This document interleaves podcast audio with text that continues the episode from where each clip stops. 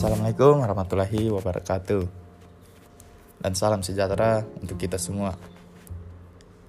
Halo, apa kabar semuanya para pendengar setiap podcast pendidikan di tengah pandemi? Semoga kalian dalam kabar baik ya.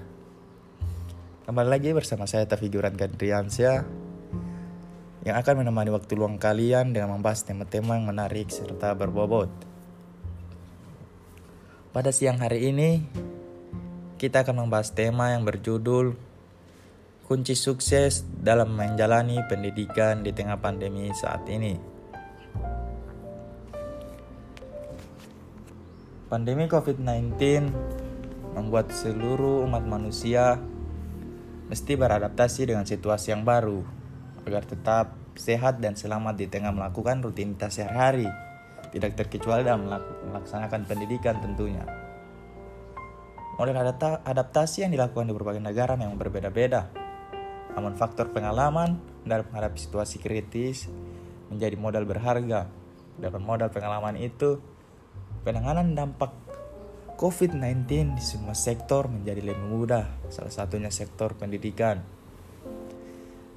Contohnya saja seperti di Taipei misalnya, pengalaman dalam menghadapi wabah menjadi modal berharga bagi mereka untuk merancang berbagai strategi di tengah pandemi COVID-19, termasuk di sektor pendidikan. Dampaknya, iklim pendidikan di sana tetap dapat berlangsung dengan baik, meski pandemi tetap terjadi di sana tentunya. Setidaknya, terdapat delapan kunci yang membuat dampak pandemi COVID-19 terhadap pendidikan di Taipei dapat diminimalisir atau dapat diminimalkan. Yang pertama, mengembangkan rencana kontingensi.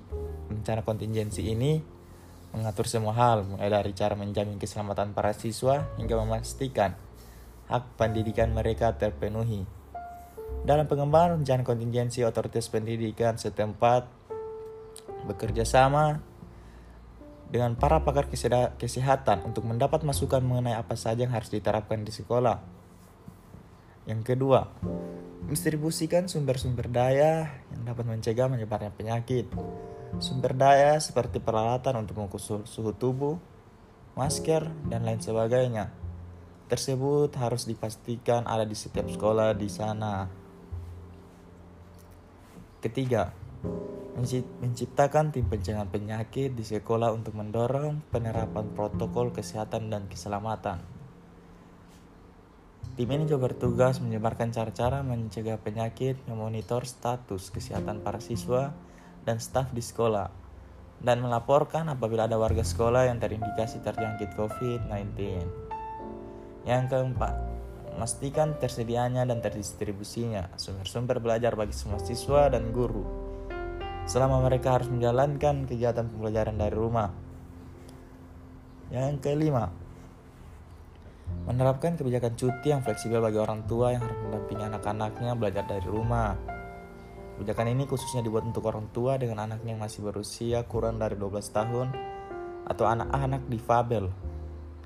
Lewat kebijakan ini diharapkan anak-anak dapat belajar secara maksimal dengan bimbingan orang tua dari rumah.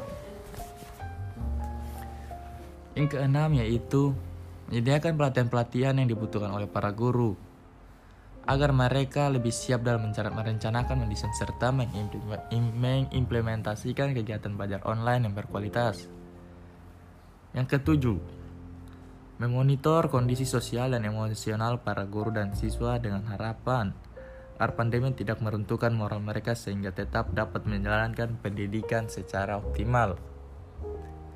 Yang kedelapan atau yang terakhir, Mengurangi ketergantungan terhadap pertemuan tatap muka khususnya bagi NGO yang bergerak di bidang pendidikan.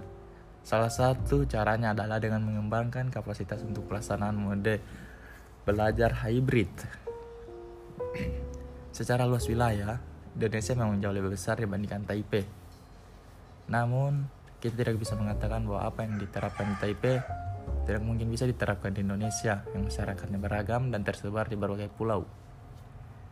Selalu ada yang bisa kita pelajari, bahkan dari negara-negara maupun kota-kota kecil sekalipun. Dari pengalaman tersebut, kita berharap Indonesia dapat segera keluar dari pandemi, atau setidaknya dapat menjalankan roda pendidikan dengan sehat dan selamat meski pandemi COVID-19 terus mengancam. Bagaimanapun, mewujudkan masyarakat yang cerdas adalah tujuan kita bersama, sesuai dengan pembukaan Undang-Undang Dasar 1945. Itulah pembahasan kita pada hari ini. Lebih dan kurangnya saya mohon maaf.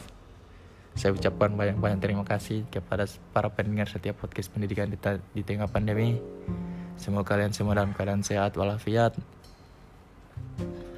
Tetap mematuhi protokol kesehatan, tetap mematuhi 3M, memakai masker, menjaga jarak, dan mengurangi mobilitas. Sekali lagi saya ucapkan terima kasih. Sekian dari saya. Assalamualaikum warahmatullahi wabarakatuh. Sampai jumpa di lain waktu.